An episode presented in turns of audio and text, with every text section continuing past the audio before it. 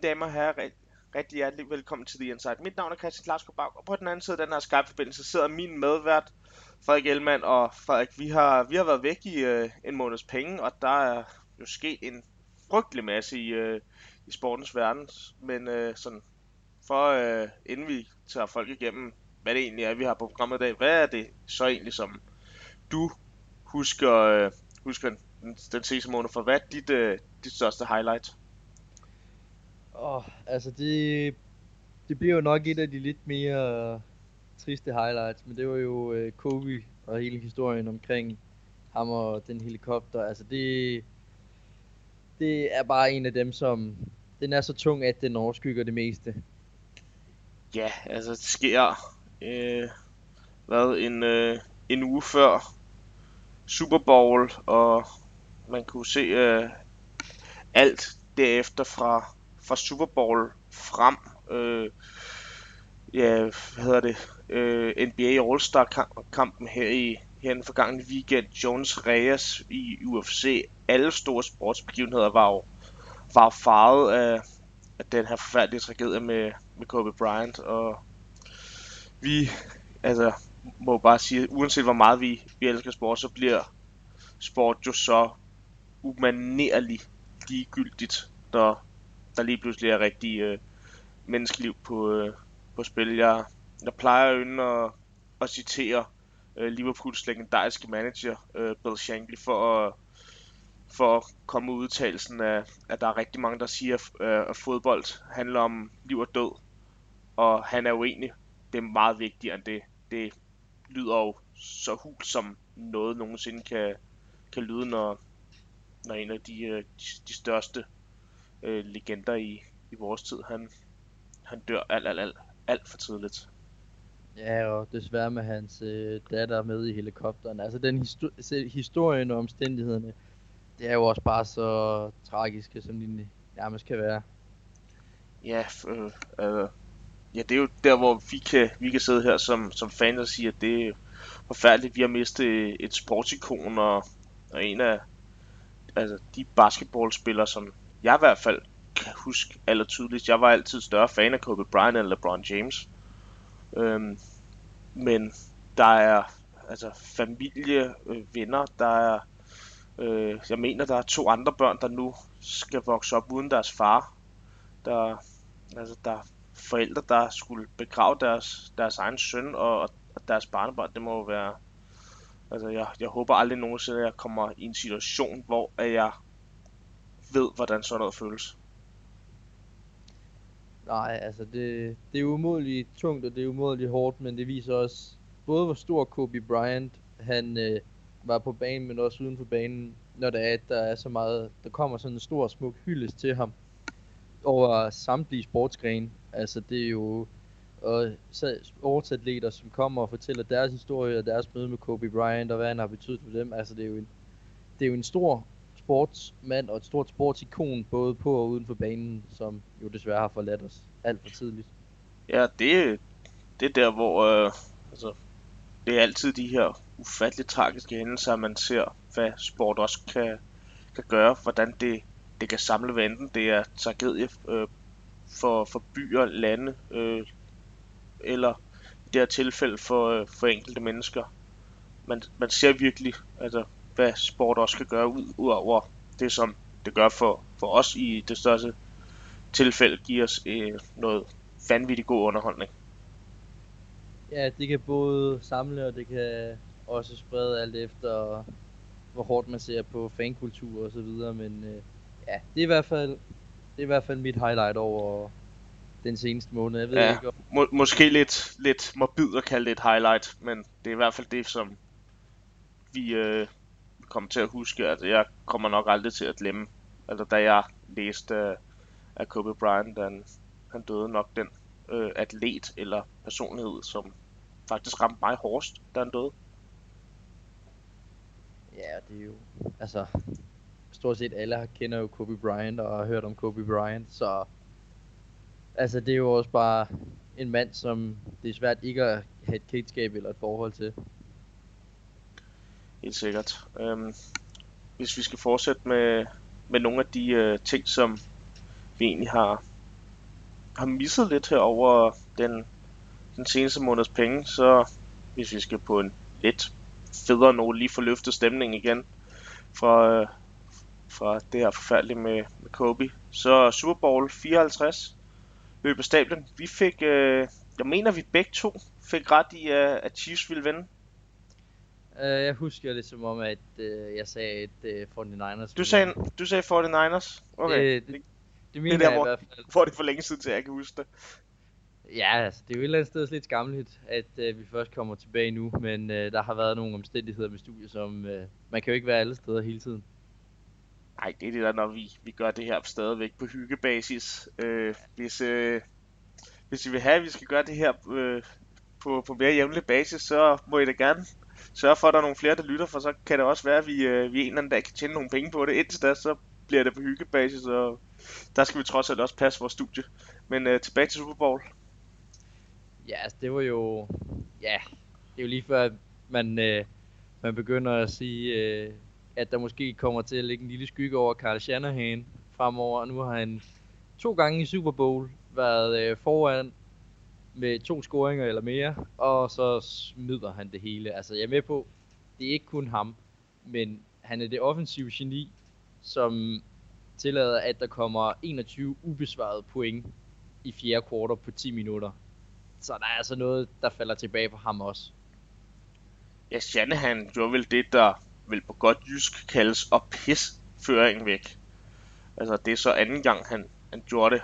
Var det 28-3, han førte mod Patriots? Ja. Det er jo også...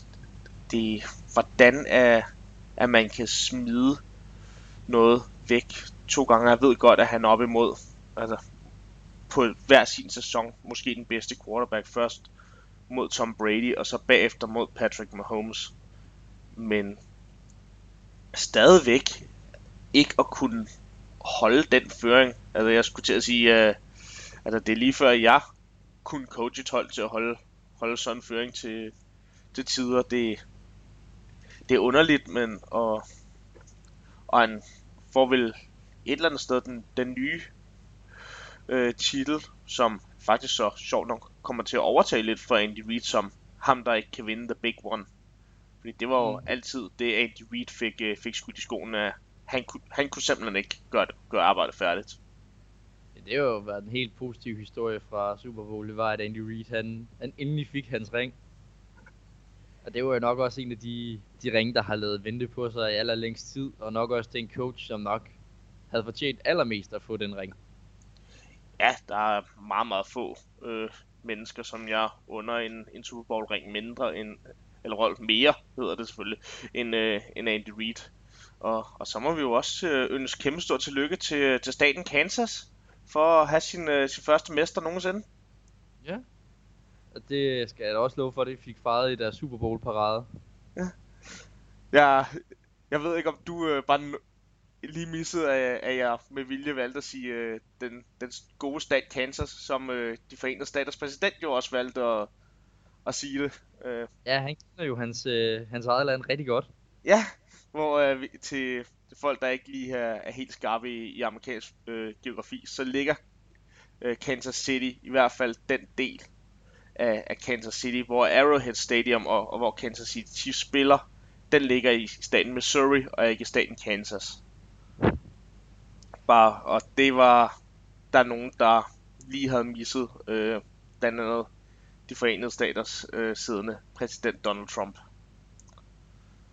Så det er sådan noget, vi kan, vi kan grine af her i, øh, i Europa, og desværre så ved jeg også, at der er nogle amerikanere, der, der tænker, hvad i alverden så har vores præsident gjort endnu en ting, som, øh, som resten af verden kan, kan grine af, men nu er det her ikke en politisk podcast, men en øh, sportspodcast, så lad os gå tilbage til de 53 spillere, der, der rent faktisk vandt kampen for øh, den gode stat Missouri og, og Kansas City. Første Super Bowl i 50 år for, for Missouri. Ja, og det var jo... Eller ikke for Missouri, fordi St. Louis ligger der også, men for Kansas City hedder det. Ja, ja altså, man vil sige, Patrick Mahomes, han, øh, han fandt lidt af den Pat Mahomes magi frem, som øh, han ikke havde i øh, første halvleg. Det var nok en af de dårligste første halvleg, jeg har set Patrick Mahomes levere. Og så er det som om, at så, da de kom bagud, og de ligesom havde brug for, okay, nu skal der til at ske noget, at der var et eller andet, der bare slog klik, og så var han, okay, fuck det, nu, øh, nu går vi ud og gør det. Og så også Damien Williams, som i min optik blev øh, snydt for MVP-titlen. Han gjorde altså også et fremragende stykke arbejde. Det gjorde hele det, øh, det angreb for, for Kansas City også med selvfølgelig receiverne, øh, Samuel Watkins, Amar, eller ikke Amari Cooper, Ty- Tyreek Hill og McCall Hartman. De viste jo også virkelig, hvad, hvad de kunne, og selvfølgelig ikke mindst uh, Travis Kelsey. Det er jo, ja, det er jo et eller andet sted meget, øh, næsten unfair, at man kan have det angreb på banen, og så samtidig, altså de har jo et, øh, de havde jo, altså defense, det var jo faktisk bedre, end jeg havde regnet med, det ville være, også til at stoppe løb. Om det så øh, faldt tilbage på spillerne, det, eller om det er coaching, det har jeg lidt svært ved at sige, men de har i hvert fald steppet op i slutspillet i forhold til den regulære sæson. Også fordi at jeg hørt, og nu kan jeg ikke huske hvilken øh, Chiefs forsvar det var, men jeg så et interview med, med ham, hvor han sagde, at han var rigtig glad for, at 49ers stoppe med at løbe Mostert. Fordi ham havde de altså svært ved at kontrollere i første halvleg. Ja, jeg tror på de første par drives, der gav de, når de gav Mostert bolden, så fik han i hvert fald 5 yards, hvis ikke 10. Ja. Næsten konsekvent. Så de gik over til at løbe med Tevin Coleman, og det var vel egentlig den største fejl for Carl Shanahan, og ikke bare blive ved med at løbe Raheem Mostert ned i halsen på Chiefs, indtil de fandt ud af at stoppe ham. Ja, men altså der var faktisk også en ting, som, øh, som virkelig her, nu når Super Bowl også har fået lov til at sætte sig, og det hele det her sæson har fået, er blevet overstået, og man sådan kan sidde og reflektere lidt. Og den har virkelig fået mig til at så, stort, så et stort tvivl i Jimmy Garoppolo og hans evner. Altså, jeg er med på, det der løbeangreb i får i Niners, det er rigtig, rigtig godt. Men man så jo lige pludselig en Jimmy Garoppolo, som skulle ud og kaste bolden, og det så altså ikke særlig effektivt ud. Altså, det var, det, der begyndte de lige pludselig, okay, ind til den her Super Bowl, har de jo nærmest ikke bedt noget af Jimmy Garoppolo. Og så når de beder ham om det, så falder han fuldstændig igennem. Og det har fået mig til at tænke, vide om Kyle Shanahan, han har set til træningerne, at okay, det er, han er ikke det, som vi troede, han var. Vi bliver nødt til at prøve at arbejde udenom ham. Og det gjorde de jo så ved at lave, køre Debo Samuels ind og tage nogle øh, de her jet sweeps og end rounds og mere Mostert og Coleman.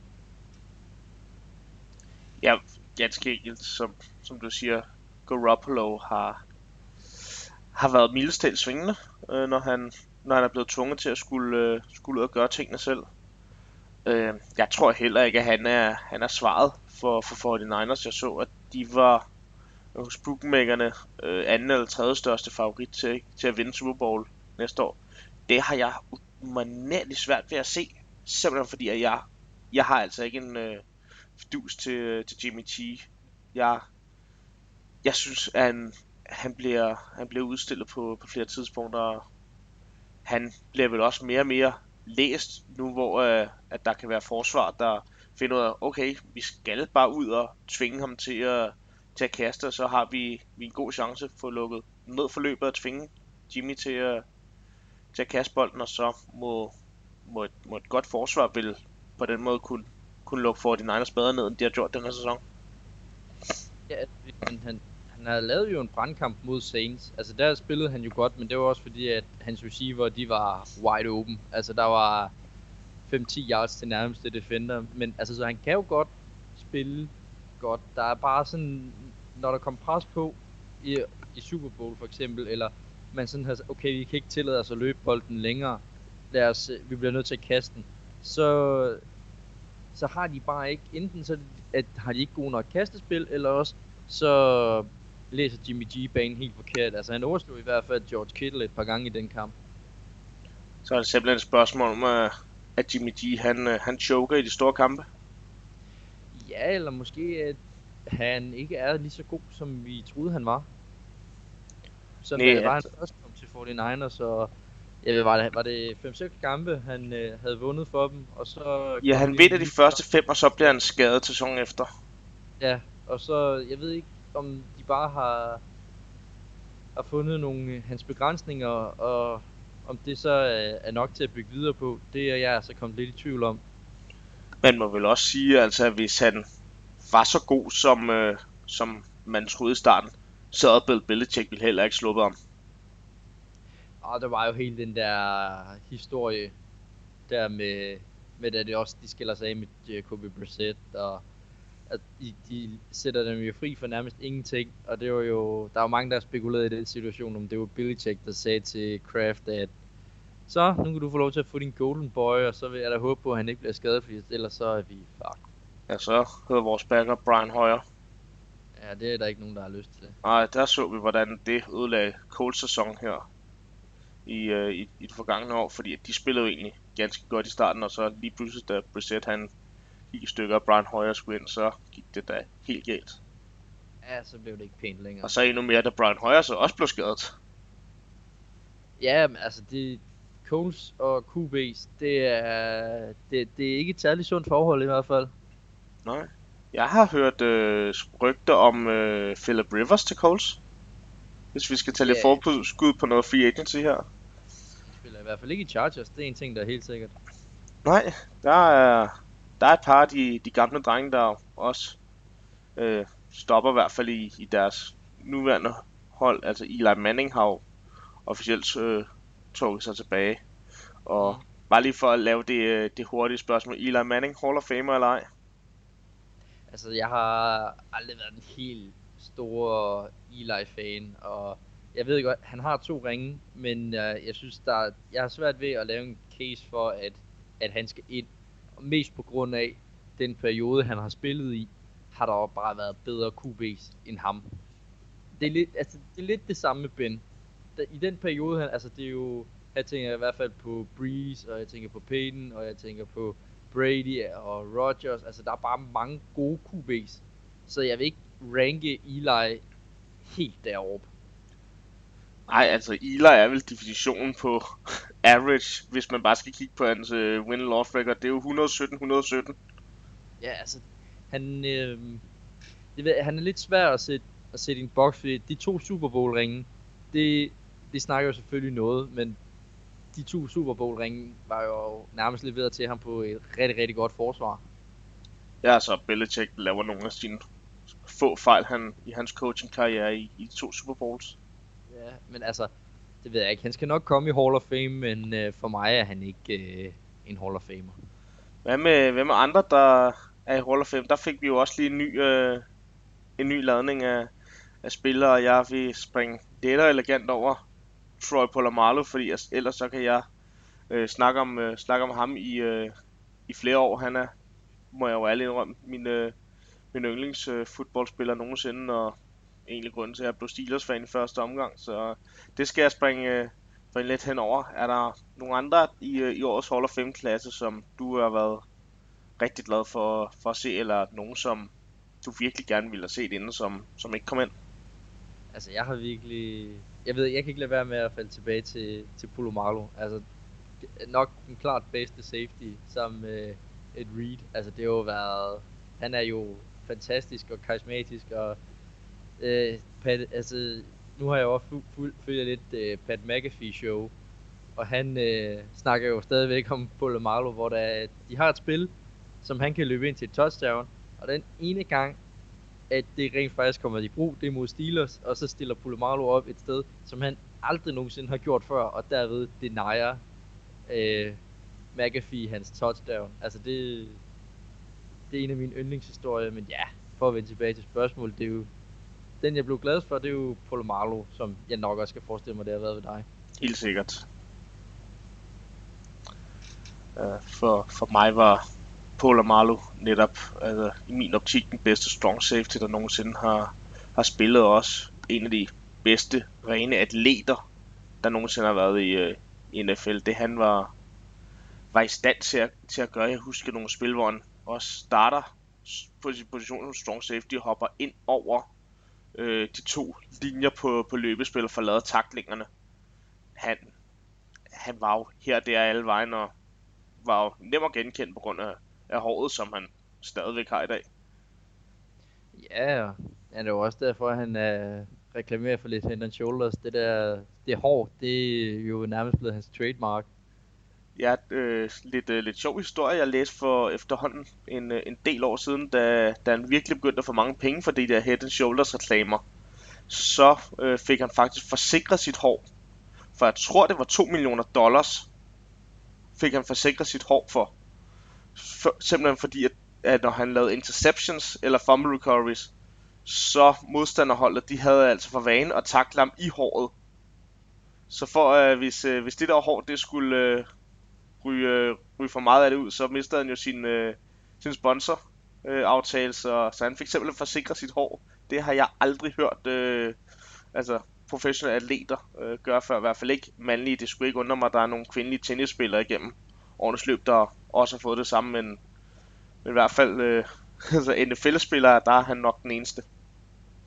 Ja, altså det er jo også klart, når han har så meget fart på, og så er det jo klart, at håret er det nemmeste at få fat i, og der er jo ikke, skal lige sige, nogle regler om, at man ikke må takle håret i NFL. Det må man gerne. Præcis, altså det, det kan ligne en horse collar tackle, men, det, men den er fuldstændig lovlig. Det, det er også en af de regler, som jeg synes, der er allermærkeligst i, uh, i NFL. Det er, at man gerne må takle i håret. Ja, men du ikke må gribe fat i, øh, i skulderbeskytteren i, i nakken og trække spilleren ned den vej. Det giver 15 yards. Det, det er vel det samme, altså øh, piskesmælds lignende, ryg, du får i, i kroppen, uanset hvad. Ja, altså det kan jo være, at NFL så bare argumenterer for, at så skal man bare klippe håret. Ja, det, altså, det er jo noget fun league, så det skulle da ikke undre mig, at de, at de gjorde det alligevel. Altså, det, øh, jeg, vil, jeg vil sige, det er i hvert fald en, en god, en, en mærkelig regel, med at, øh, eller nærmere en regel, der ikke er. Altså, du har en regel, som skal forhindre det, men så er der lige det der smuthul i hår, som de så ikke gider at fikse. Ja, og der har alligevel været en del spillere med, med langt hår selvfølgelig. På Lamarlo snakker vi om Larry Fitzgerald for den til skyld også. Øh, en Clay Matthews, da han var på, øh, på toppen i, i Green Bay især, hvor øh, inden kampen øh, man altid lige kunne se ham øh, køre, køre vand i håret. Så, øh, så lige sad ordentligt under hjelmen. Ja, men altså, der er jo også en uh, DeAndre Hopkins og Will Fuller. Altså, jeg har set, jeg tror, det er de to, jeg sådan for nylig kan huske, er blevet taklet i håret. Ja. Så, så det er jo egentlig, altså et, øh, vi vil egentlig ikke kalde det et, et stort problem, men det er noget, der er der. Man kan se, at det er jo, det er jo NFL-spillerne, altså man ser jo ikke NBA-spillere på samme måde have, have langt hår. Nej, altså det, det, er jo, altså, det er måske lidt mærkeligt, at der ikke er flere, der har langt hår, men det er måske også en helt anden diskussion. Ja, det, det er ikke det, vi skal, vi skal ikke, vi skal ikke gøre det her til en modepodcast. Vi, øh, som, som nu, jeg nu efterhånden har sagt det vi, øh, vi laver sport her, ikke, øh, ikke hårdmod. Eller nu er der ingen af, af os, der er super nørdet på det punkt. Det overlader vi til de professionelle. Øh, ellers andet til, øh, til Hall of Fame, nogle af, nogle af de andre. Altså, jeg tænker, at vores, øh, vores, fælles, vores fælles ven Stefan, han må være, være dejligt glad for, øh, at Vikings-spilleren Steve Hutchinson kom, øh, kom i Hall of Fame i hvert fald. Ja, altså, det er jo øh, en, en guard, vi får ind. Han har jo været lidt rundt i nogle forskellige, altså det er jo, han startede jo i Seahawks, og så kom han jo så til Vikings, og spillede størstedelen af hans karriere, og så sluttede han sig af i Tennessee. Men ja, en syv, en syv gange Pro Bowl og en fem gange First Team All Pro, det, det siger jo også lidt til selv siges en af de bedste guards i hans tid igen. Øh, med far for at blive for, øh, for farvet, vil jeg gerne have set den aller Fanaga komme ind, der vel egentlig var Steve Hutchinson, før Steve Hutchinson var på, øh, på toppen. Øh, ham vil jeg rigtig gerne have set inden for, øh, for Steelers, men der er måske også nogle, øh, nogen i, øh, i komiteen, der har tænkt, okay, Bill Cowher kom ind i den her Centennial Class, og vi kommer automatisk til at få Paul Amalu ind. Så for at det ikke alt sammen skal blive øh, sort og guldfarvet, så må, så må Alan Faneca lige, lige vente. Ja, altså der går jo, der er jo lidt politik i det her Hall of Fame også. Det, det kan vi jo ikke rigtig komme udenom eller Nej, bare spørg Tio om det. Ja, som der er så meget i ja, både i sport og i verden, så går der altså nogle gange også lidt, lidt politik i, og man kigger jo også på, at man skal have lidt adspredelse i dem, der kommer ind, og have lidt forskellige positioner, og altså, det er jo, det er jo lidt, øh, det er lidt en skam, men øh, det er jo nok engang sådan, det er. Ja, og så kan vi jo allerede se frem til, til næste års øh, Hall of Fame-klasse. Der er i hvert fald en, øh, en, en quarterback, der spillede nummer 18, som, øh, som man må vel gå ud fra, at han kommer ind, og jeg vil jo synes, det vil være grotesk, hvis han ikke kommer ind enstemmigt. Peyton Manning. Ja, altså det, han har i hvert fald blevet hypet meget op til det, og han har jo ikke gjort noget dumt ude for banen, siden det var, han stoppede, så altså, det ville da være mærkeligt, hvis ikke han kommer ind, og han er jo nok også, ja, han er jo i hvert fald blandt snakken om, om han er den bedste nogensinde. Ja, og så to andre, der er også øh, i hvert fald højt profileret øh, navn, det er Charles Woodson øh, næste år, der øh, er cornerback og safety legende fra Green Bay Packers. Mm. Og så er det Megatron øh, næste år. Så og alle de tre, øh, siger folk, er meget, meget store kandidater til at komme ind i første hug. Ja, altså det er i hvert fald øh, nogle, har, nogle højprofilerede spillere. Altså Megatron i selv bare sådan ren statur er jo helt vanvittig, og ja, Woodson har jo også eminent i Packers, og altså det er jo, det er jo gode spillere. Det er jo, der er jo en grund til, at det er Hall of Fame, og det, det er fordi, det er de bedste spillere, der kommer ind. Men jo, lige næste, næste klasse, det må være i hvert fald de tre, burde man kunne forvente komme ind. Det, det må man kunne. Det er den, jeg tvivle mest på, og det er ikke for at sige, at jeg ikke tror, han kommer ind, men den nok får det sværest, det vil være Megatron, for der er stadig rigtig mange receiver, der står, der står i kø, der ikke er inde nu. Så yeah. om de, øh, de vil være kontroversielle nok til at lade ham overhale øh, netop folk som Reggie Wayne. Også selvom jeg, jeg synes, at Megatron var bedre, men om han, han skal have lov til at springe køen over det, det er nok den, jeg er mest i, øh, i tvivl om. Ja, og det er jo igen lidt, der går lidt politik i, hvem er det, der skal, man skal have lov til at have ind, og ja, der er jo nogle receiver, og ja, man skal have lidt divenykker, hvis der man skal være receiver, så... Men må ikke, at Reggie Wayne han også kommer ind på et eller andet tidspunkt? Og det, det skal jo nok ske på, på et eller andet tidspunkt. Ja, forhåbentlig. Øh, skal vi... Øh, skal vi bare springe næste punkt på... Øh, lille punkt på vores rundown over, fordi jeg, jeg tænker, vi har allerede været, været nok igennem øh, med Kobe, og jeg synes ikke, vi behøver at få, få folks humør længere ned andet end at sige, at vi, vi føler med alle øh, familie, venner, tidligere holdkammerater, fans, alt, øh, som, som der overhovedet kan være påvirket af, af Kobe Bryants død. Ja, vi øh, håber, han hviler i fred, og så kommer vi videre til noget, der er lidt mere hårdt slående. Vi skal selvfølgelig snakke lidt UFC. Det er lidt et lidt stort spring, men øh, selv UFC valgte jo også at hylde Kobe Bryant inden øh, det her super lækre fight card, de havde, hvor der var, det var øh, John Jones mod Dominic Reyes, som øh, skulle slås om, hvad, hvad var det? Lidt sværvægt. Ja, lidt sværvægt, det var der, den var. Det var jo også meget pænt af dem at, at lige mindes ham, inden det var, at det her kæmpe show, det gik i gang. Præcis, kæmpe, kæmpe show og, og kæmpe kamp, og øh, vel den sværeste kamp, John Jones nogensinde har været i, i, øh, i hans øh, professionelle karriere. Og i, øh, i min optik også en kamp, han, han burde have tabt. Jeg havde scorekortet øh, 48-47 til, til Dominic Reyes. Jeg havde de tre første runder til, til udfordreren. Øhm, men resultatet endte jo med at være to gange 48-47 til, til John Jones, og en gang 49-46 til John Jones. Og ja, lad os starte med at sige, hvordan kan, kan en dommer øh, vurdere, at Jones han får fire af de fem runder? Det har jeg ikke den, den store idé om. Altså, jeg, nogle gange bliver jeg i tvivl om, dommerne de kan, de kan reglerne. Ja, altså jeg, jeg er enig med dig. Jeg, jeg, ser, altså, jeg ser kun, at øh, jeg vil ikke jeg vil ikke sige, at jeg er decideret øh, sur over, at øh, Jones han får lov til at beholde bæltet, fordi sådan som jeg så den, så var det en ekstremt tæt kamp, hvor der er et, øh, hvor der er John Jones, han vinder i hvert fald fjerde og femte runde, og så, men, så kan man også godt argumentere for, at han vinder tredje runde. Men jeg synes i hvert fald, at de to første runder, de gik klart til Dominic Reyes. Altså han var mere eksklusivt, han landede nogle tungere slag, havde nogle bedre kombinationer, og Jones han så ja, han så forvirret ud, og han vidste ikke rigtigt, hvad det var, han skulle gøre, så det er i hvert fald en, en tæt kamp, hvor det var, at det nok var den Jones, jeg øh, nok ikke havde forventet at se blive så presset, som han gjorde. Men det er jo fedt for sporten, og det er en fedt for kampen at se. 100% det, der er lidt problemet, det er, at det er jo ikke den eneste, eneste kamp på det her fight card, hvor uh, at dommerne de, de virker til at, at sove lidt i timen. Der er også uh, der er billeder af Jones Reyes kampen, hvor den ene af dommerne, han kigger ned i bordet og ikke på kampen, og jeg mener faktisk, at både Joe Rogan og, og Dominic Cruz, uh, som det er. Jo, oh, er det ikke Cruz, der, der kommenterer den også?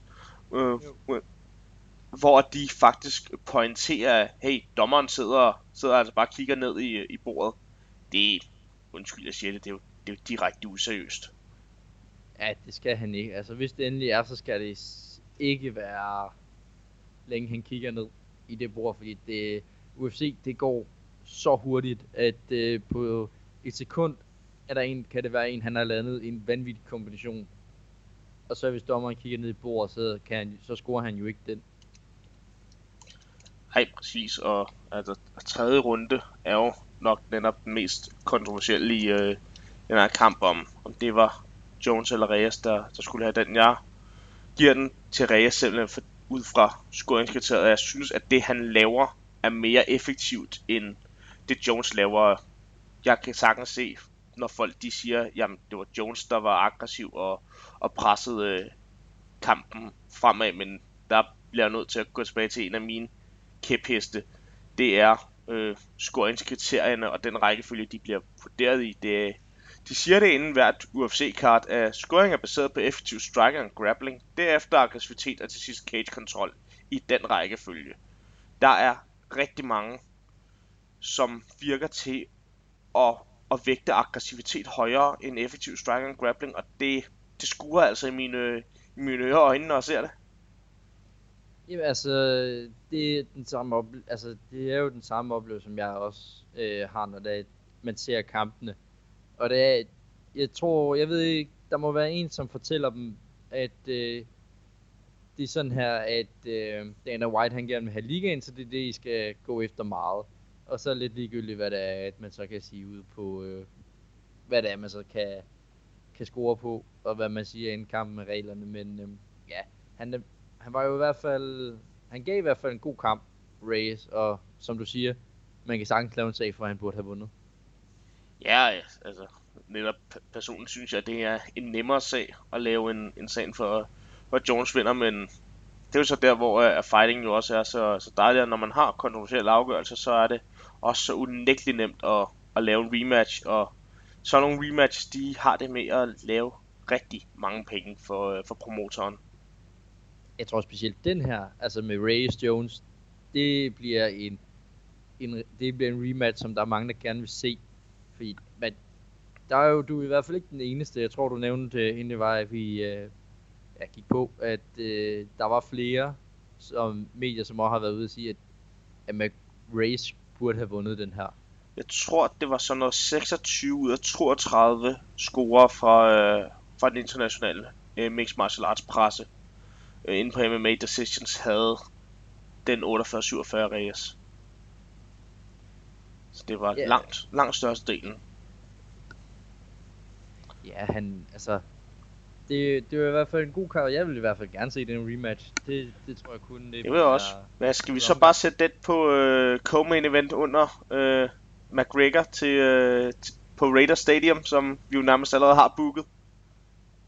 Åh, oh, det er at sætte den på som co-main event. Altså, for McGregor må vel stadig sige sig være main eventen, hvis, uh, hvis vi skal lege uh, Sean Shelby her. Ja, jeg tror sgu ikke, at uh, den kamp, den, den fortjener altså at blive main event. Ja, men, men nu, nu kender vi også bare UFC godt nok til, at de kan godt lide at stack de her store cards med flere main events. Det gjorde de både ved UFC 200, og det gjorde de også ved 205, øh, deres første card i Madison Square Garden. Ja, altså det... Men jo, det er da ikke det mest usandsynlige scenarie. Men øh, så bliver det i hvert fald et rigtig, rigtig godt fight card, men det bliver så nok også desværre et pay-per-view card. Ja, det stejler vi begge to lidt over.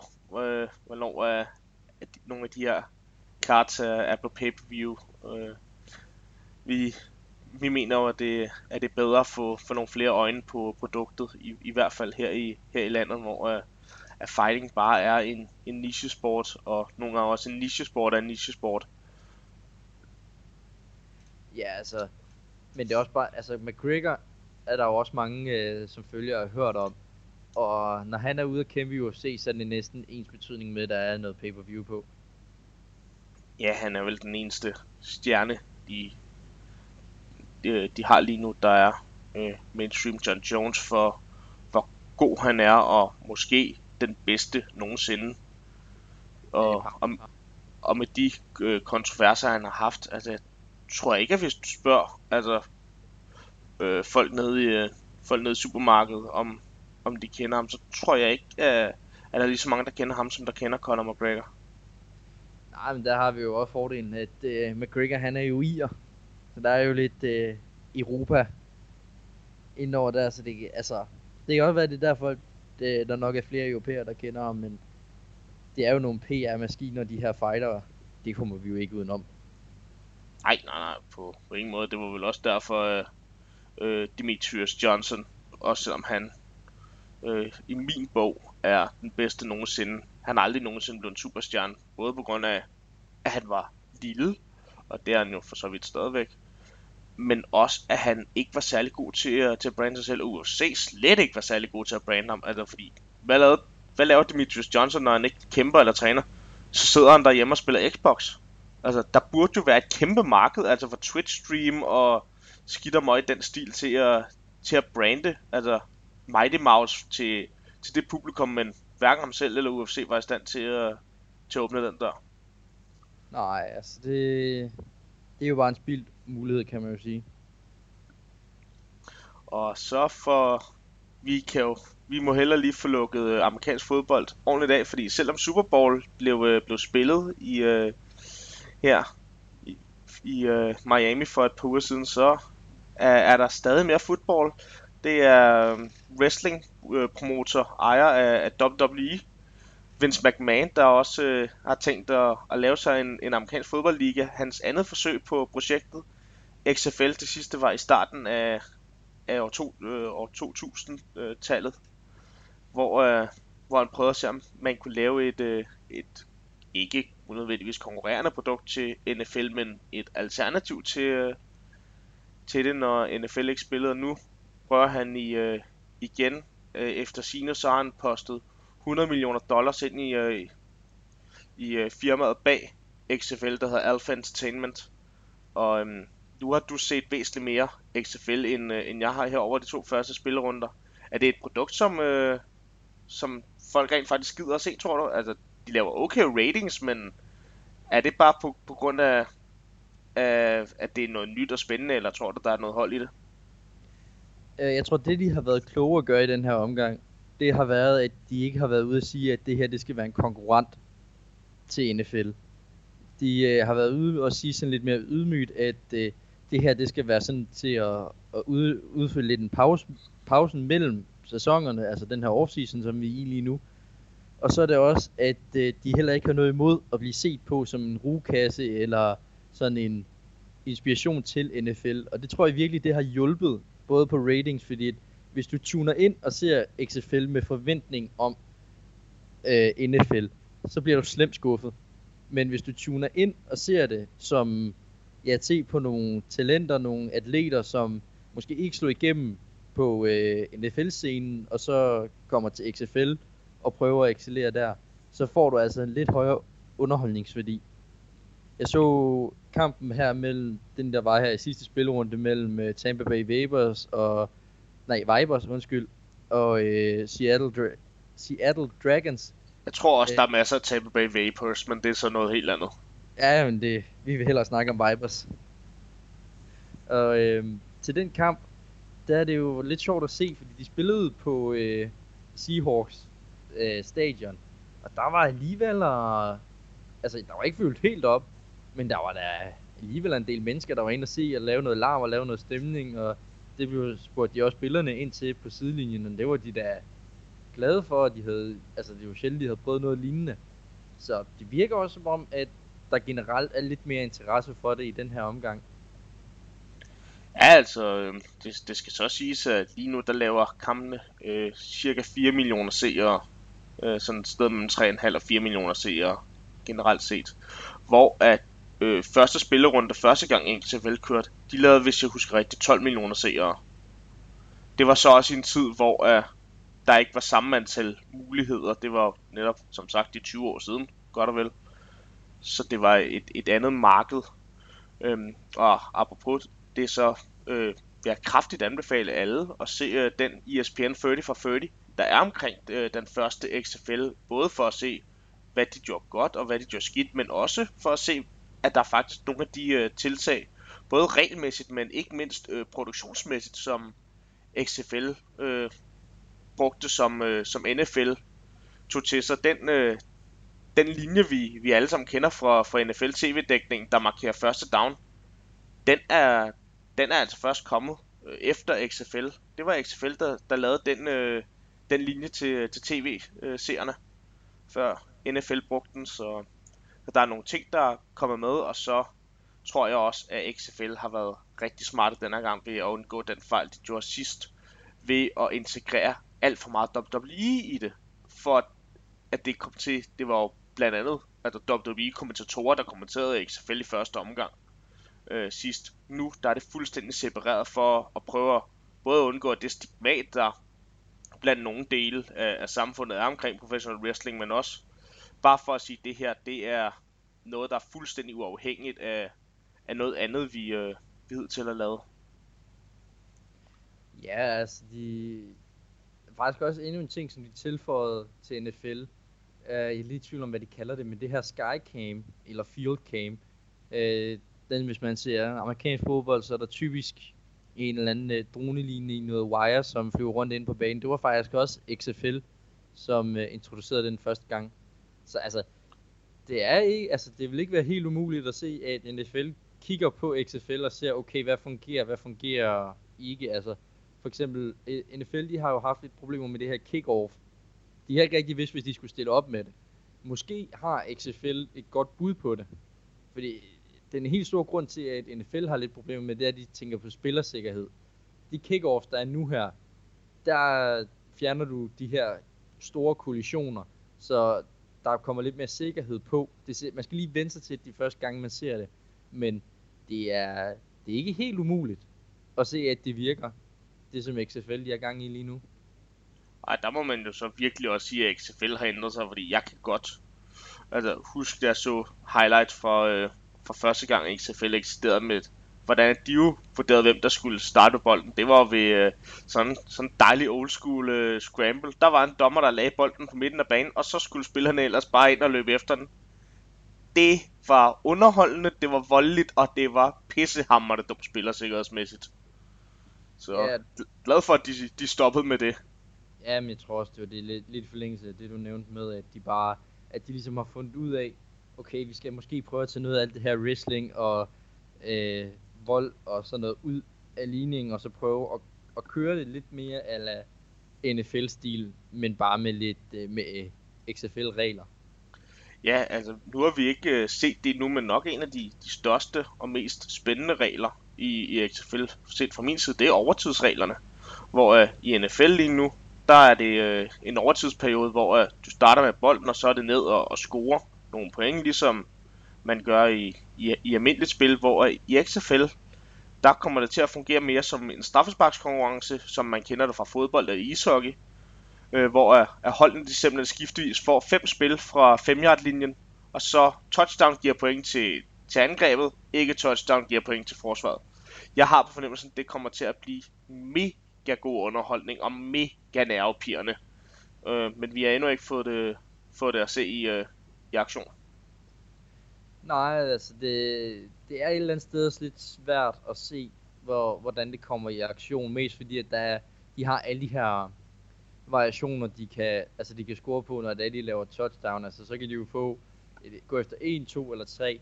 Så altså, de kan på mange måder, der kan på mange måder opstå lidt nogle, nogle spøjse scorelines undervejs. Så det kan måske være, at vi kommer, bliver nødt til at vente lidt på, øh, på den her overtidsregel, der kommer til at træde i kraft.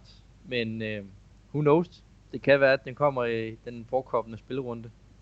Ja, og bare for lige at opdatere folk, øh, at hvis I gerne vil, vil se XFL, så, så kan det altså ses på ESPN, øh, i, øh, hvis man bor i USA, det tror jeg nu ikke, øh, der er nogen, der gør. Men hvis vi ikke gør, så øh, ESPN's internationale player, den øh, sender alle XFL-kampe, de bliver, bliver sendt med kickoff klokken 8 og klokken 11 dansk tid, lørdag og søndag, hvis jeg husker rigtigt. Ja, det, det lyder meget. Jeg kan ikke helt huske øh, det i hovedet, hvornår de bliver sendt, men jo, det lyder meget rigtigt, det der omkring. Og så øh, fra den ovale bold, så skal vi over til, til den runde slagsen, det som vi kalder fodbold herhjemme, og for at det bliver rigtig dejligt lokalt, så er Superligaen jo tilbage. Øh, første forspillerunde her i her den forgangne weekend, der var et par aflyste kampe på grund af, af det voldsomme vejr, vi, øh, vi havde, men ellers så var det dejligt at, at se Superligaen tilbage, der må jeg jo også bare melde, øh, melde blank flag og, og sige, at, at der var jeg rigtig glad for, for vinterens, øh, eller for, for weekendens resultater med en Brøndby sejr og et nederlag til, til FC København.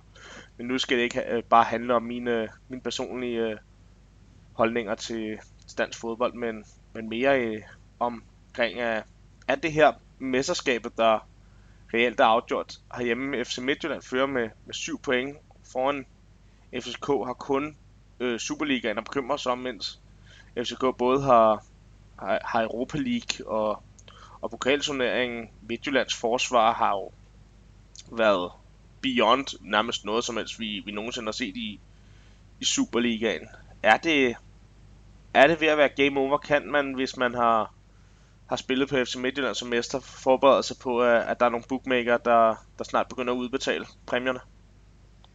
Øh, nej, altså det er jo sådan lidt... Øh, man skal jo aldrig nogensinde sælge skinnet før bjørnen den er skudt, og i det her tilfælde, der vil jeg sige det samme. Der er jo stadigvæk masser af spillerunder, og det er da langt fra utænkeligt, at øh, Midtjylland de måske kommer til at smide en kamp, som de ikke burde.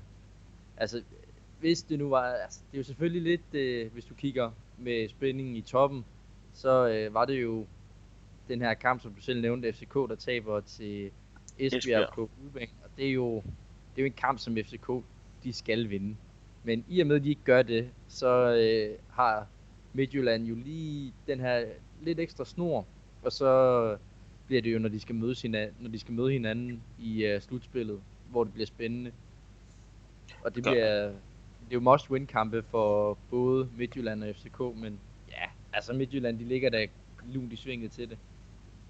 Det, det må man sige, at det er lige nu de eneste to hold, som reelt kan, kan vinde det danske mesterskab. Øh, nedunder der har vi AGF, der vil begynde at, at høre Champions League-hymnen, men så alligevel øh, ikke helt. Øh, og så Brøndby på, øh, på en fjerdeplads. Øh, resten af top 6, øh, der, kan jo, der kan jo egentlig ske alt. Øh, har du øh, sådan nogen idé? Du plejer at være en, en super god, øh, god spotmand omkring øh, de her ting. Kan du øh, bare sætte navn på de seks hold, der kommer i, øh, i Superligaens top 6 og i mesterskabsslutspillet allerede nu?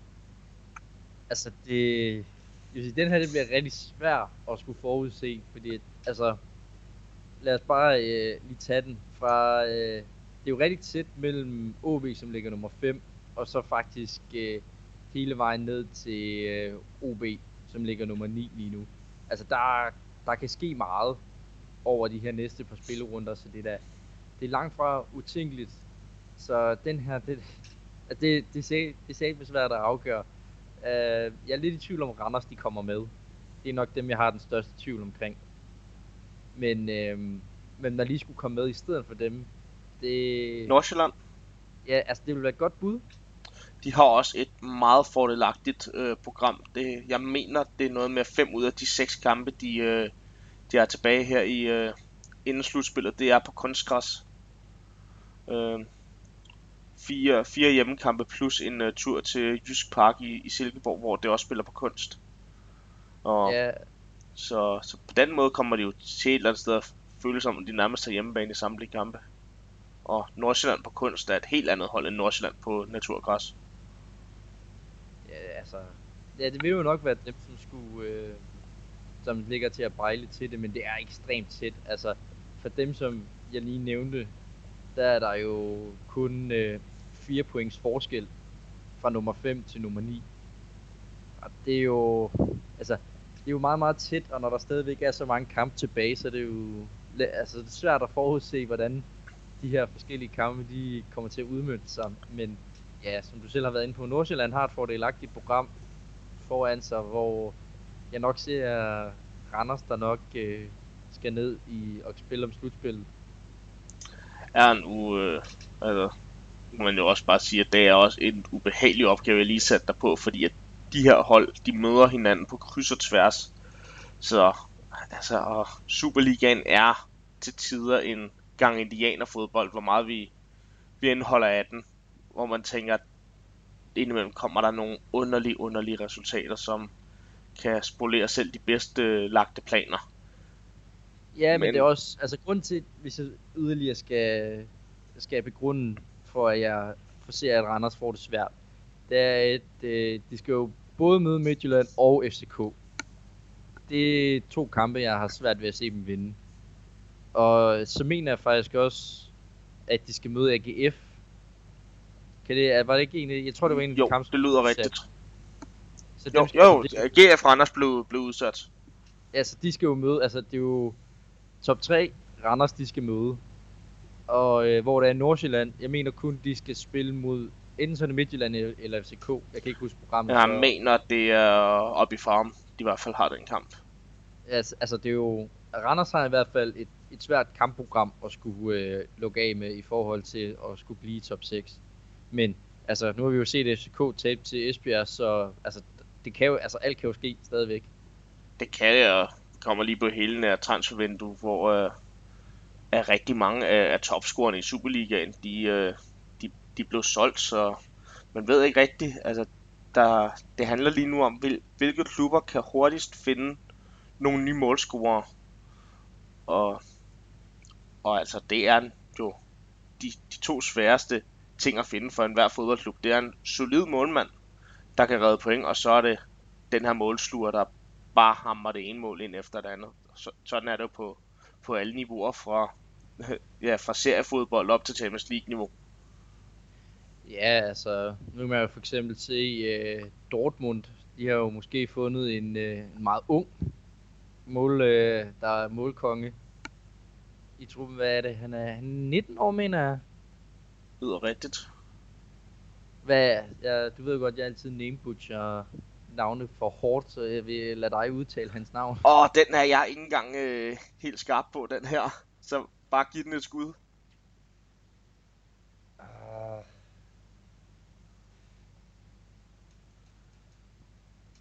Jeg ved, ah, jeg, ah. jeg sgu ikke engang kaste mig ud i den, det ville være synd for ham. Nu når han har spillet så godt, og så bare skal slagtes i en lille hyggepodcast. Nej, bare få sit, uh, sit navn uh, spoleret i en, uh, en podcast. Nej, det skal heller ikke, uh, heller ikke komme, uh, komme ind på det. Uh, lad, os, uh, lad os sige, at der er jo masser af Superliga uh, foran os, og uh, ikke mindst også rigtig meget andet uh, god fodbold. Det er her, hvor, uh, hvor vi kommer foråret i møde bedre vejr og, og sjovere, sjovere kampe. Ligaerne bliver stille og roligt afgjort. Jeg skulle til at sige, Premier League er jo reelt set allerede afgjort. Det kender vi jo begge to. Øh, masser, af, masser af folk, der, der er svært glade for. Så... Ja, men jo også øh, den lille, der er jo kommet en lille købebold ind i forhold til Premier League, og det er jo City, som har fået den her bane i Champions League for de næste to sæsoner, må de ikke være med. Og jeg ved ikke, om de har kommet frem til en straf i Premier League, men der får de da i hvert fald også en. Og hvis det går helt galt, ender de jo helt nede i øh, hvad den hedder, Championship 2 eller sådan noget? Ja, League 2, ikke? Du tænker jo. på?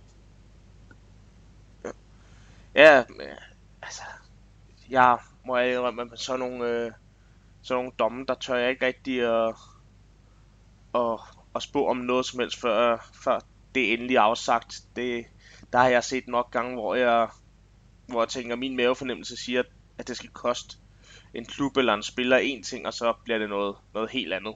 Så lad os se, hvad, hvad det ender med. Men i hvert fald, den er, den er hård for, for City at miste øh, Champions League.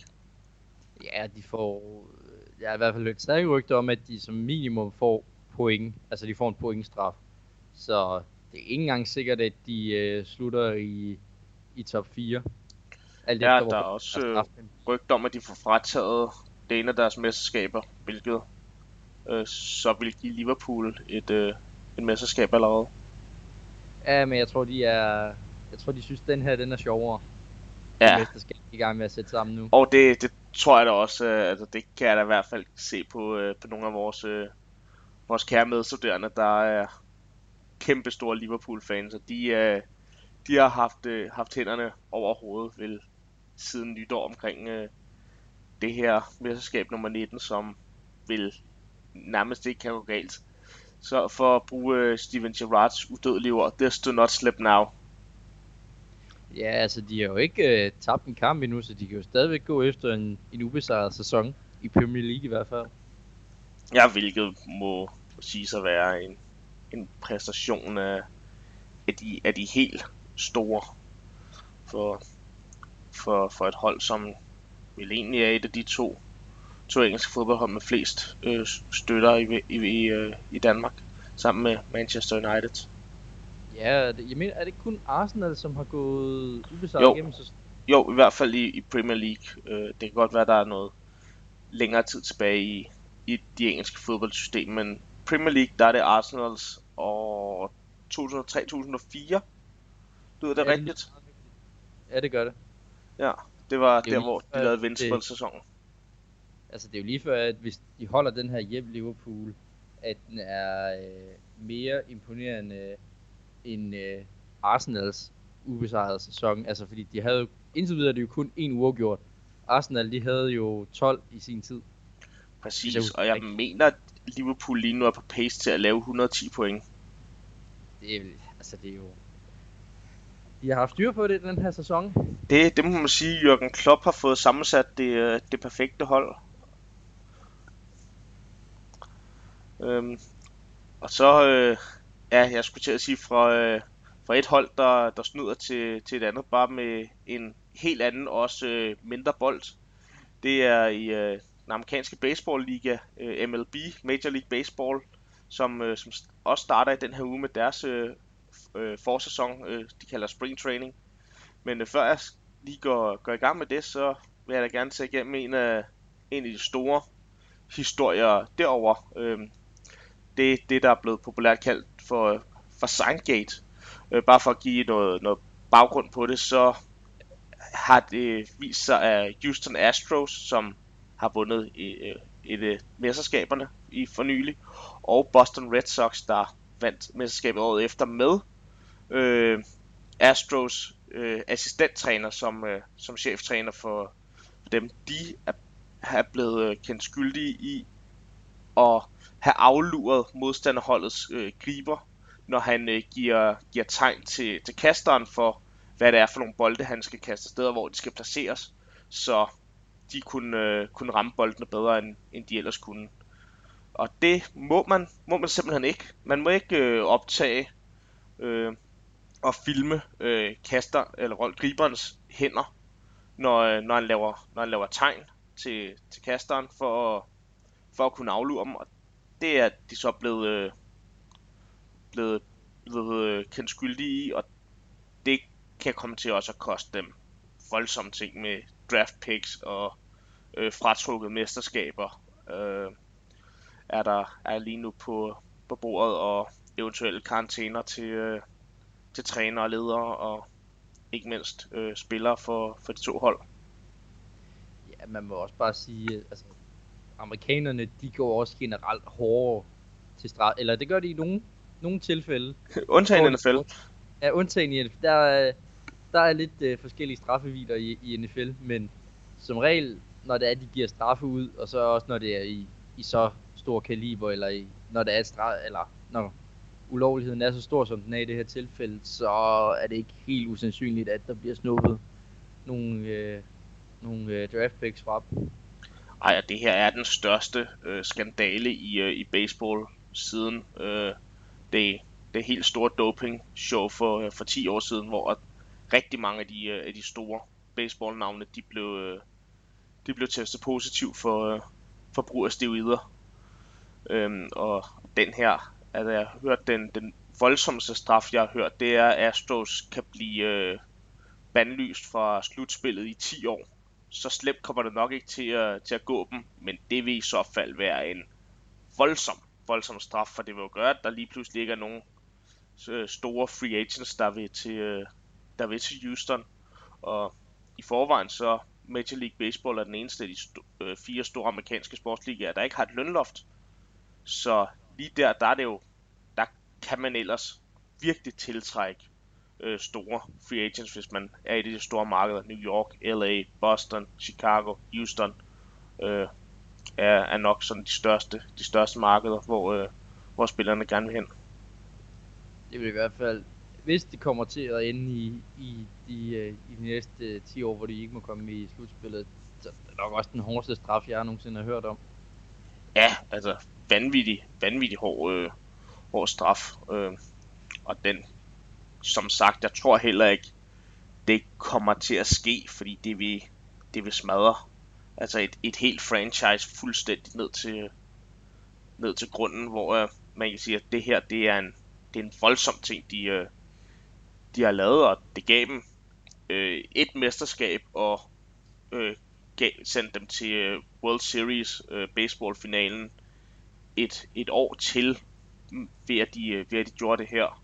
Og de gik så gar så langt, så de til sidst fandt ud af, hvordan de også kunne kommunikere med deres øh, spillere, øh, når, de, øh, når de stjal de her øh, signaler på, øh, på udebanen, ved at de rent faktisk havde, øh, havde en, en eller anden form for bosser inden under trøjen på, øh, på deres spillere, så, når, så, så de simpelthen sendte signaler til spillerne ud fra, øh, hvad det var for nogle øh, signaler, som de opsnappede fra, fra griberen.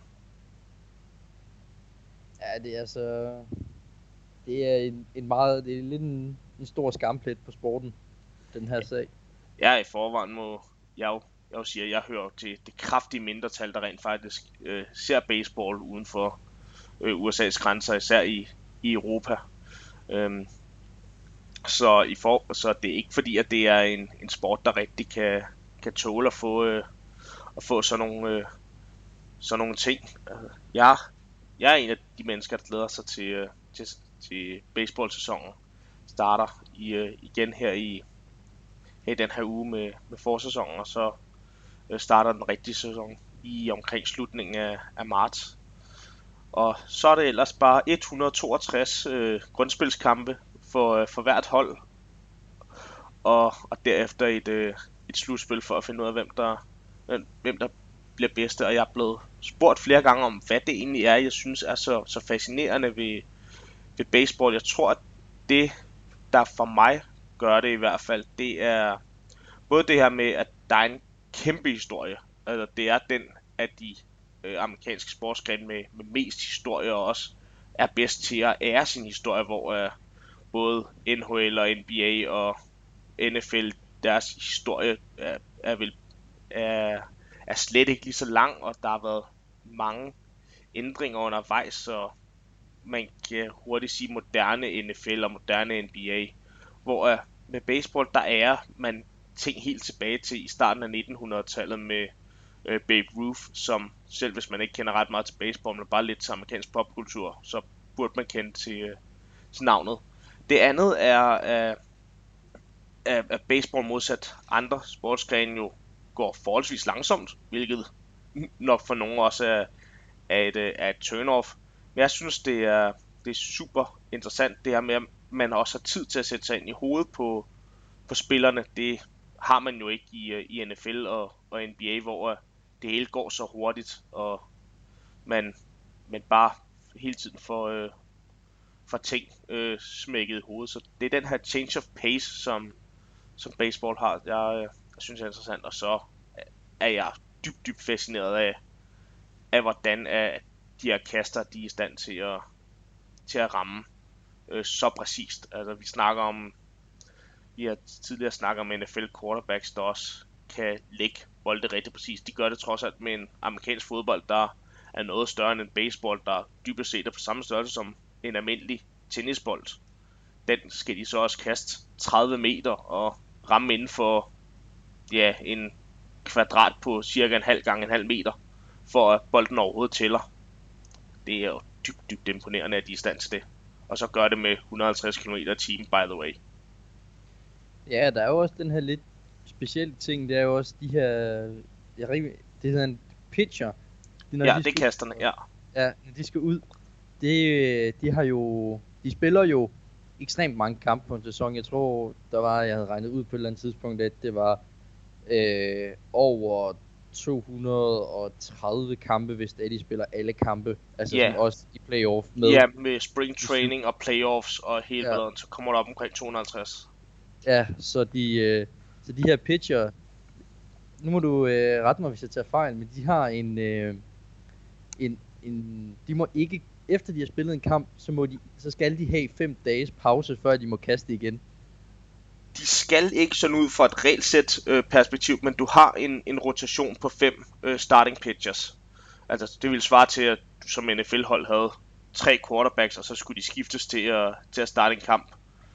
Øh, simpelthen fordi, at det er så anstrengende for deres øh, albue og skulder at kaste de her bolde, så de bliver simpelthen nødt til at til netop kun at kaste hver 5. 6. dag, for, øh, for at de simpelthen ikke får smadret hele deres øh, overkrop, for hvis man har set, hvordan at de kaster, så river de reelt set skuldrene ned hver gang de gør det.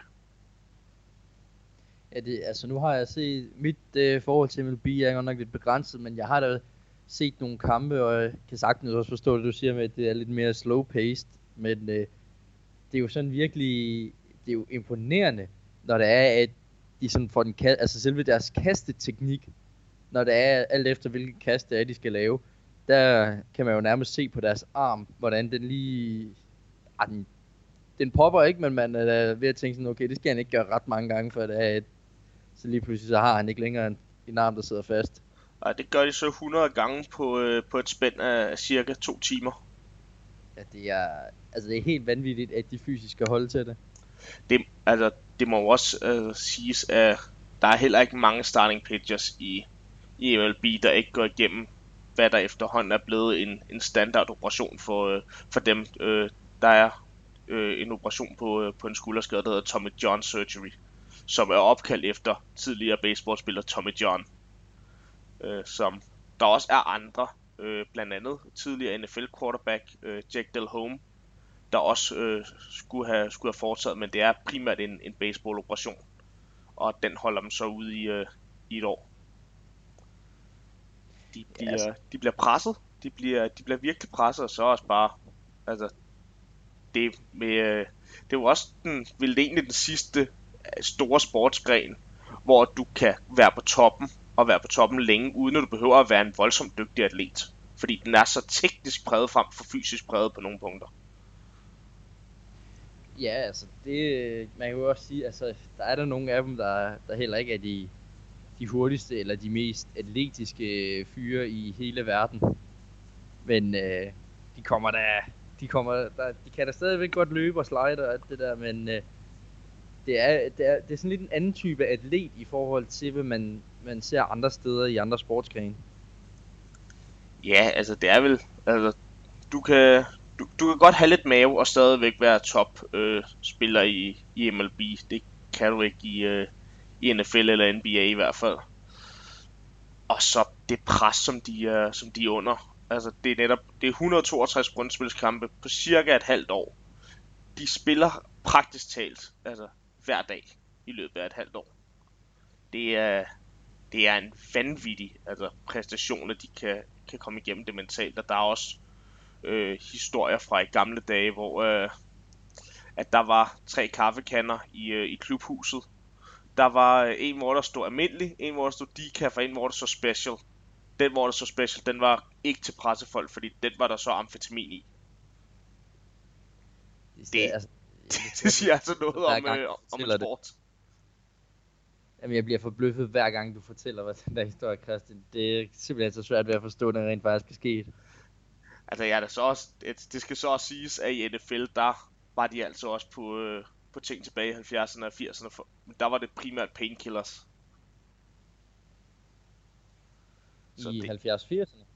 Ja, altså det er ikke... Øh, jeg har hørt his, historier fra tidligere NFL-spillere, der, øh, der har fortalt, at de var på, øh, på rigtig meget smertestillende i løbet af sådan en NFL-sæson. Det var jo så også i en tid, hvor der ikke var hverken samme øh, medicinske muligheder for, for at få operationer, når du, når du var skadet, men også der var en helt anden mentalitet. Der var du svag, hvis du, øh, hvis du ikke stillede op. Altså, det var også dengang, hvor øh, en hjernerystelse, der skulle du bare ud på sidelinjen og så lige få en så vand, og så var det ellers tilbage på banen. Ellers så var du, ellers så var du svag, hvis du gik ud med en hjernerystelse. Det er, ja, vi har heldigvis øh, kommet langt siden da. Vi bliver, vi bliver heldigvis meget klogere. Det er både mennesker, men det er så sandelig også maskiner, der bliver, bliver meget klogere fra, øh, fra en sport, der står mit øh, hjerte er i baseball. Så skal vi til at, til at køre, køre noget hurtigere. Vi skal, vi skal snakke noget, noget racerløb, noget, noget Formel 1. Der er du, øh, der er du eksperten. Ja, altså det, det er et af de sportsgrene, som jeg synes, der er, er sindssygt spændende og sindssygt interessant. Både øh, hvor hurtigt det går, og kørende, og altså det hele omkring det. Så jeg får godt nok tit skudt i skoene, at de bare kører rundt i ring, men øh, der, der går så meget ind i det. Altså det er jo nærmest små raketter, de har sat øh, hjul på, og så værsgo at komme afsted. Ja, afsted. Ej, dem der bare kører ring, det er NASCAR, det er noget helt andet. Ja, det, det er en helt anden form for, for motorsport, men det der nemlig er nyheden med Formel 1, det er, det er tilbage nu. Så alle de motorsportspunkte Formel 1 fans, de, der er endelig noget at se på igen. Og generelt så har den her offseason, den har jo været et af de mest begivenhedsrige længe. Altså vi har jo haft øh, en, der er jo kommet et nyt hold ind, eller det er det samme hold, der har bare skiftet navn til, øh, at øh, Toro Rosso, de nu hedder Alfa Tauri, og øh, så har Racing Point fået Aston Martin ind under ind hos deres team, hvilket jo er en stor nyhed. Jeg tror, det er 20-30 år siden, de sidste har været i Formel 1, så det er jo noget, noget vildt spændende, de har, øh, de har rullet ud nu her. Og så, jeg ved ikke om øh, det, om det kun er mig, som synes, det er spændende, men her på det seneste har de jo også afsløret, hvordan deres Formel 1 racer kommer til at se ud i den her kommende sæson. Og der har der været nogle, nogle fede designs, altså man kender jo nok godt både Mercedes og Red Bull og Ferrari, de ligner jo sig selv. De har jo en grundopskrift, de går efter, men øh, det nye hold, Alfa Tauri, de har jo fået meget ros i pressen for deres, øh, for deres design. I hvert fald i forhold til, når det er et nyt hold, der kommer ind, hvordan skal de så til at brande sig selv. Men øh, de er jo i hvert fald nu her i gang med at teste i øh, nede i Barcelona for at teste den nye bil. Så det, der blev jo kørt en helvedes masse omgange. Og jeg kan jo spørge dig, Christian. Hvis jeg siger til dig, at du skulle køre 130 omgange på den samme bane på en dag, og du, øh, der er stadigvæk to timer til, du skal, til at du er helt færdig. Var det så noget, du slikker dig i munden for? Altså, på den ene side ville det da være vanvittigt fedt at, at prøve at køre sådan en Formel 1 racer, men jeg vil jo ikke kunne holde koncentrationen så længe, og det er nok der, hvor jeg er allermest imponeret over øh, racerkører i det hele taget, hvad enten det er Formel 1 eller Le Mans, eller alt derinde imellem. Den evne, de har til at holde koncentrationen i så mange timer, og ved så høj hastighed, fordi altså, nu er vi begge to studerende, altså, vi ved godt, hvor svært det kan være at holde, øh, at holde fokus i løbet af sådan, sådan en hel dags øh, studie med, med forelæsninger. Altså, prøv at gør det med, øh, med 350 km i timen og videre, hvis din koncentration den svigter i et sekund, så er det måske ikke bare game over for, øh, for løbet, det er måske game over for din karriere eller dit liv for den sags skyld. Ja, altså det... Men det er, man skal også sige, altså Formel 1 er jo blevet, blevet meget sikre, selvom ja, nu sidste sæson var der jo øh, Formel, i Formel 2, som er rækken lige under Formel 1. Der øh, var der jo trods alt en, der øh, var i en ulykke af, nu prøver jeg mig i det franske navn, Antoine Hubert. Som, Den ramte øh, faktisk meget godt. Jeg synes, jeg prøvede også at koncentrere mig lidt omkring det. Men øh, han var jo så et uheld på spag, som øh, desværre øh, kostede ham livet. Så på trods af, at de er blevet mere og mere sikre, så er det stadigvæk altså, en enkelt fejl, og så er det måske ikke sikkert, at øh, du rejser dig fra den igen. Nej, og det er jo den øh, risiko, der, der er ved ja, mange af de sportsgrene, som, øh, som vi begge to holder af, enten det er motorsport eller øh, NFL, hvor øh, den, den voldsomste skade her inden for de seneste år, det er jo selvfølgelig Ryan Shazier, der øh, får brækket ryggen og, og stadigvæk øh, bliver nødt til at, til at bruge stok, når han, øh, når han går øh, her to år efter. Og, og kampsport ikke mindst, hvor øh, hele pointen jo reelt set er skade din modstander. Så det er en, det er en ting, som, som vi udmærket ved er, er en risiko i det sport, vi ser. Og jeg kan altså, i hvert fald tale for mig selv. Jeg tror også, jeg godt kan tale for dig, når, øh, når jeg siger, at vi, vi tager på ingen måde let på, øh, hvad det er, de her folk, de, øh, de vælger at stille op til, og, og vi vil nok ikke være, være mænd nok til at, til at gøre det, nogen af os. Ej, der er, der er lidt for meget øh, risiko, men de har jo gjort det hele deres liv, så de er vant til det, kan man sige, men de er jo nogle, de her atleter og sportsudøvere, de har altså også bare et, et mindset, der er ud over det sædvanlige, og jeg tror et eller andet sted også, at øh, det må da have straffet deres tanker, hvad det er, de går ind til en gang imellem. Men jeg tror i det øjeblik, at det begynder at spille en for stor del, så øh, er det bedre at gå på pension, fordi hvis du spiller med frygt, eller du kører med frygt, eller du på anden måde har frygten i kroppen, så er det altså der, det går galt. Altså, forstod mig ret, når jeg kommer med det citat.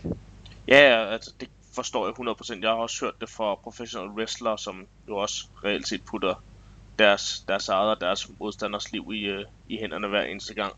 De, øh, de går, ind i, går ind i ringen, hvor de siger, at den dag, de er bange for, for at gå ind i ringen og bange for at blive skadet, der er det den dag, de bør stoppe karrieren, fordi så, så, ellers så kommer de til at blive skadet. Ja, fordi så gør du ting, du normalt ikke vil gøre, og når du gør det, så er der bare højere risiko for, at du bliver skadet. Præcis. Det er lige så snart ja. du gør noget for at undgå at blive skadet, så, så gør du det i stedet for bare gøre det samme, som du har gjort i, i 20 år, og så stole på, at når du ikke er blevet skadet voldsomt i løbet af 20 år, så gør du det nok heller ikke næste dag. Nej, men altså, de er jo, de er jo hardcore, de her sportsatleter. De, de er jo dygtige til det, de laver, og man kan jo sige, hvis vi det her med Formel 1, hvis vi skal vende lidt tilbage til det, der har vi jo det her vintertesting. Det er ikke, altså det svarer lidt til preseason i, i NFL, for at prøve at sætte det lidt i, i termer, så du også er med, Christian. Men øh, der bliver, de kører ikke fuldt ud, og de presser ikke sådan bilerne til det helt vilde. Det er mere, at de skal have testet noget aerodynamik. De skal vide, hvordan bilen den reagerer, når der er, et, øh, den kommer ud fra på den rigtige bane, og ikke bare ind på en vindtunnel.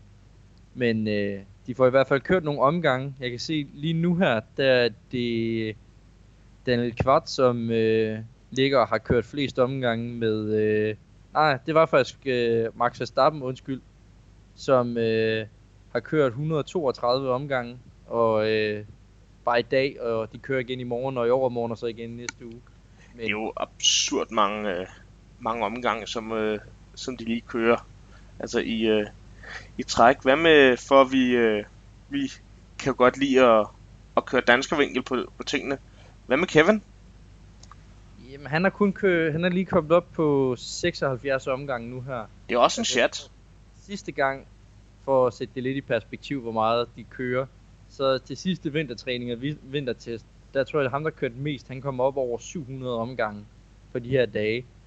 Og Kevin, han var nok, jeg kan ikke huske, hvor, om han nåede, hvor langt han nåede op sidste, men øh, han kom i hvert fald også et pænt stykke op, men ja, altså hvis man skal snakke tider, så altså den hurtigste tid, der er kørt indtil videre, det er 1 minut og 16,9, og det er, ja, det er, ja, det er jo, nu skal jeg lige bruge noget hurtig hovedregning, det er jo i hvert fald 1,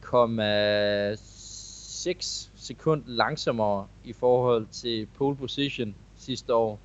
Så altså, de, de kører ikke fuldt ud. Det er mere øh, long runs og holdbarhed, de kører efter nu her.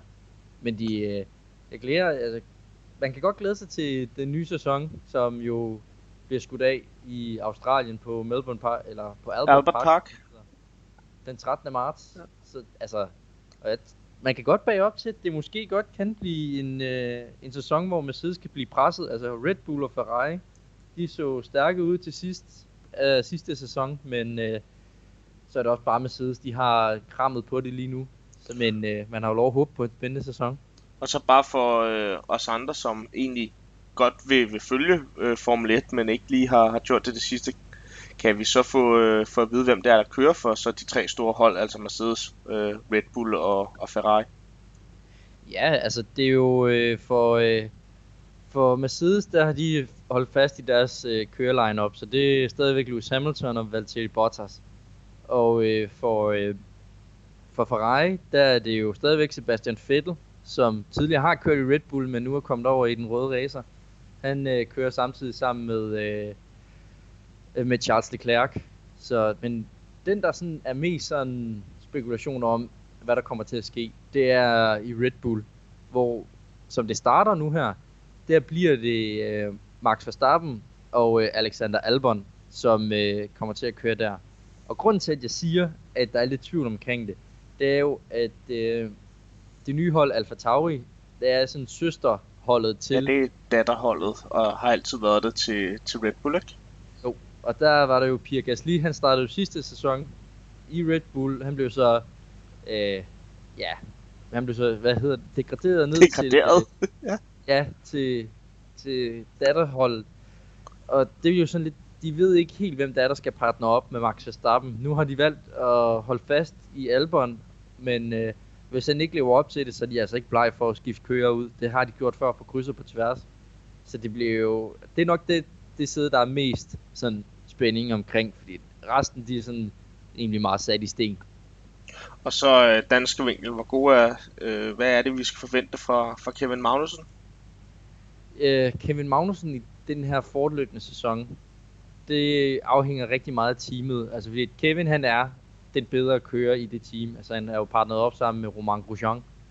Og han er jo, der har Kevin, han er hurtigere end ham i qualifying, og han hiver flere point. Det har han gjort i, jeg tror, to eller tre sæsoner i streg nu. Så det man kan, skal forvente af Kevin, det er, at han leverer en stabil sæson, hvis bilen tillader det. Hvis Haas de har fundet ud af det problemer, de havde sidste sæson. Men for mig skal han også virkelig til at forbedre hans anden halvdel af sæsonen. Det har været lidt desværre et kendetegn af, at han starter den første halvdel ufattelig godt. Så sker der et eller andet over sommerpausen. Og så, jeg ved ikke, om det er banerne, eller om det er Kevin. Altså, der mangler lidt koncentration, men han kører de sidste halvdel, den kører han bare ikke sådan særlig godt, hvis du sammenligner det med første halvdel. Men det, har vi, det er jeg sikker på, det har Kevin også arbejdet på. Så må ikke, at man kan forvente, at han kan sætte en hel sæson, en hel sæson sammen i år. Hvad er det, øh, er det for store forventninger at sige, at det er, vi skal forvente, at han slutter i pointene hver gang? Og det, altså der er Formel 1 så dejligt uforudsigeligt, at øh, det, det vil nok være lidt for meget på nuværende tidspunkt at forvente, at han slutter i pointene hver gang. Men øh, han, man kan godt forvente, at han ender op i pointene, eller i hvert fald prøver at sætte sig i en position til det. Han, man kan godt forvente, at han slutter på en, i hvert fald, hvis alt går som det skal. Han slutter ikke langsommere end 12. plads. Og så er det jo alt efter, hvor mange uheld der er bagefter, om han, og også selvom han er med i uheldene. Han har jo haft lidt en historik med Grosjean om, at de knaller lidt ind i hinanden en gang imellem. Og det har man jo ikke lyst til, hverken som team eller som kører. Nej, og Kevin har, har jo også lidt sin... Øh, der kan man godt se, at han er, er det sin fars søn med, med selv den smule, øh, smule Formel 1, jeg, jeg har set med, med Kevin. Han, øh, han, han kan godt lide at køre, at køre hårdt til. Han kan godt lide at ja, vil nærmest være tilbøjelig til at køre beskidt til tider. Ja, altså han er, han er ikke bange for, hvis han skal forsvare sig og, og køre og ja, tage skuldre eller tage albuerne langt ud, men det bliver man også nødt til. Hvis du ikke gør det, så er der ikke nogen af de andre kører, der har respekt for dig, og hvis de andre kører ikke har respekt for dig, så øh, overhaler de dig. Altså så har de bare, så bliver det lidt en selvfølge, at du bliver overhalet, og det har man jo ikke lyst til som racerkører. Men Kevins sæson afhænger rigtig, rigtig meget af, hvilken bil han får, fordi sidste sæson der var det meget afhængigt af, at den lige pludselig så kunne bilen den kørte godt, på nogle tidspunkter og andre tidspunkter, der kørte den hele helvede til. Og det kunne være fra dag til dag. Og det kunne Haas ikke finde ud af. Så det er sådan lidt alt efter, hvad bilen tillader den her sæson.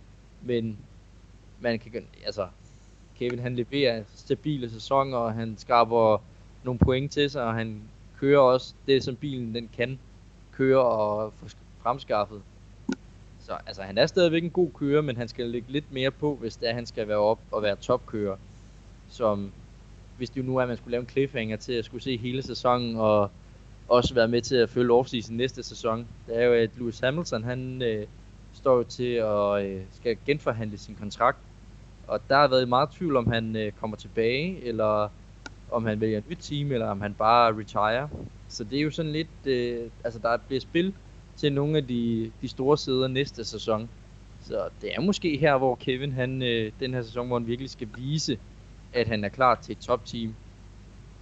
Er det, var det nærmest et, øh, et rygte om, at, at Kevin skal overtage Hamiltons sæde i Ferrari, du lige, øh, eller ikke Ferrari, i Mercedes, som du lige øh, spillede ud der? Det bliver nok højst sandsynligt ikke i en Mercedes, fordi Mercedes, de tager meget af deres, af deres eget, af deres eget kul. Men øh, der bliver, jeg får, der kommer i hvert fald en, nok en lille kørerokade op i toppen, øh, ved topteamsene. Og altså, hvis han kører en solid og god sæson, så er det da ikke helt utænkeligt. Men han er, fordi han har også et navn på griden, og han er også kendt blandt journalisterne i udlandet. Så altså, det, er ikke, det er ikke helt umuligt, men øh, der er så også mange ting, der skal gå hans vej, før det, er, det kommer til at ske. Så hvis, skal man kalde det for et, øh, et lille frø til et rygte, der er blevet sat i jorden nu her, som man så kan se enten spire eller dø hen over sæsonen. Præcis, og Kevin, der er jo bare vores eller, mest konsistente Formel 1 kører med, med dansk pas. Det er jo dejligt at have en, en mand i, i den allerstørste øh, motorsportsliga på, øh, på det punkt. Generelt dejligt, når vi ser danskerne levere i, i sportsgren som øh, og, og ligaer, som vi tidligere ikke, ikke har. Det er jo også derfor, at Morten Andersen var så, så dejlig at se få, øh, få succes. Men øh, det tror jeg vel egentlig også er, er det, medmindre du har, har mere øh, Formel 1. Jeg kan jo høre, det, det er virkelig noget, som, øh, som du brænder for. Jamen, jeg brænder for Formel 1, men øh, lige nu, der, øh, der er det det her vintertesting, og man kan jo lige tjekke op her sidst på dagen, de slutter med at køre for i dag her klokken 18, og så øh, starter de med at køre igen i morgen fra klokken 9 af, så der er i hvert fald mulighed for, at man kan følge lidt med inde på, øh, inde på Formel 1's egen hjemmeside, så man kan holde sig lidt opdateret om, øh, hvordan teamsene de står i hvert fald i forhold til, til testene. Men øh, det, jeg tror, det var det, vi havde på tapetet i den her omgang.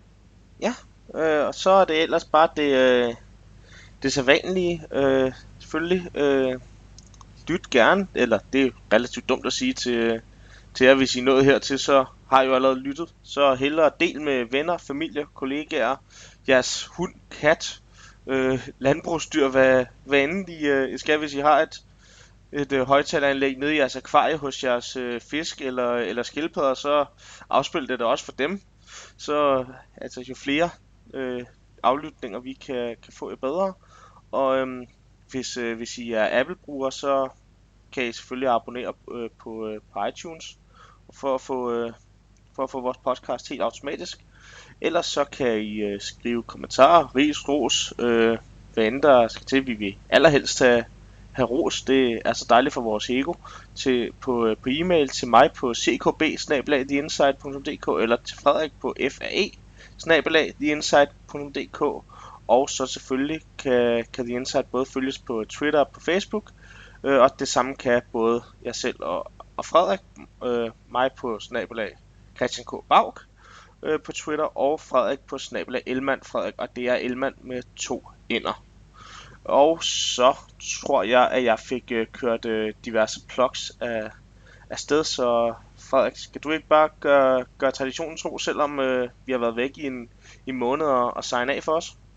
Jo, vi har jo været vidt omkring og snakket om vidt forskellige ting, så vi er jo kommet meget vidt omkring i dag, og vi er jo selvfølgelig glade for at være tilbage igen, og vi er selvfølgelig savnet at lave det her med Så vi er glade for at være tilbage. Jeg håber da også, at I er, har været glade for at lytte til os igen. Og man må som Christian allerede har sagt, gerne sprede rygtet. Vi vil kun se frem til, hvis det var, at vi kunne få så mange med til at lytte til det som overhovedet muligt. Men vi sætter i hvert fald pris på den tid til dem af jer, som har valgt at lytte med indtil videre, og håber at vi høres ved igen næste gang.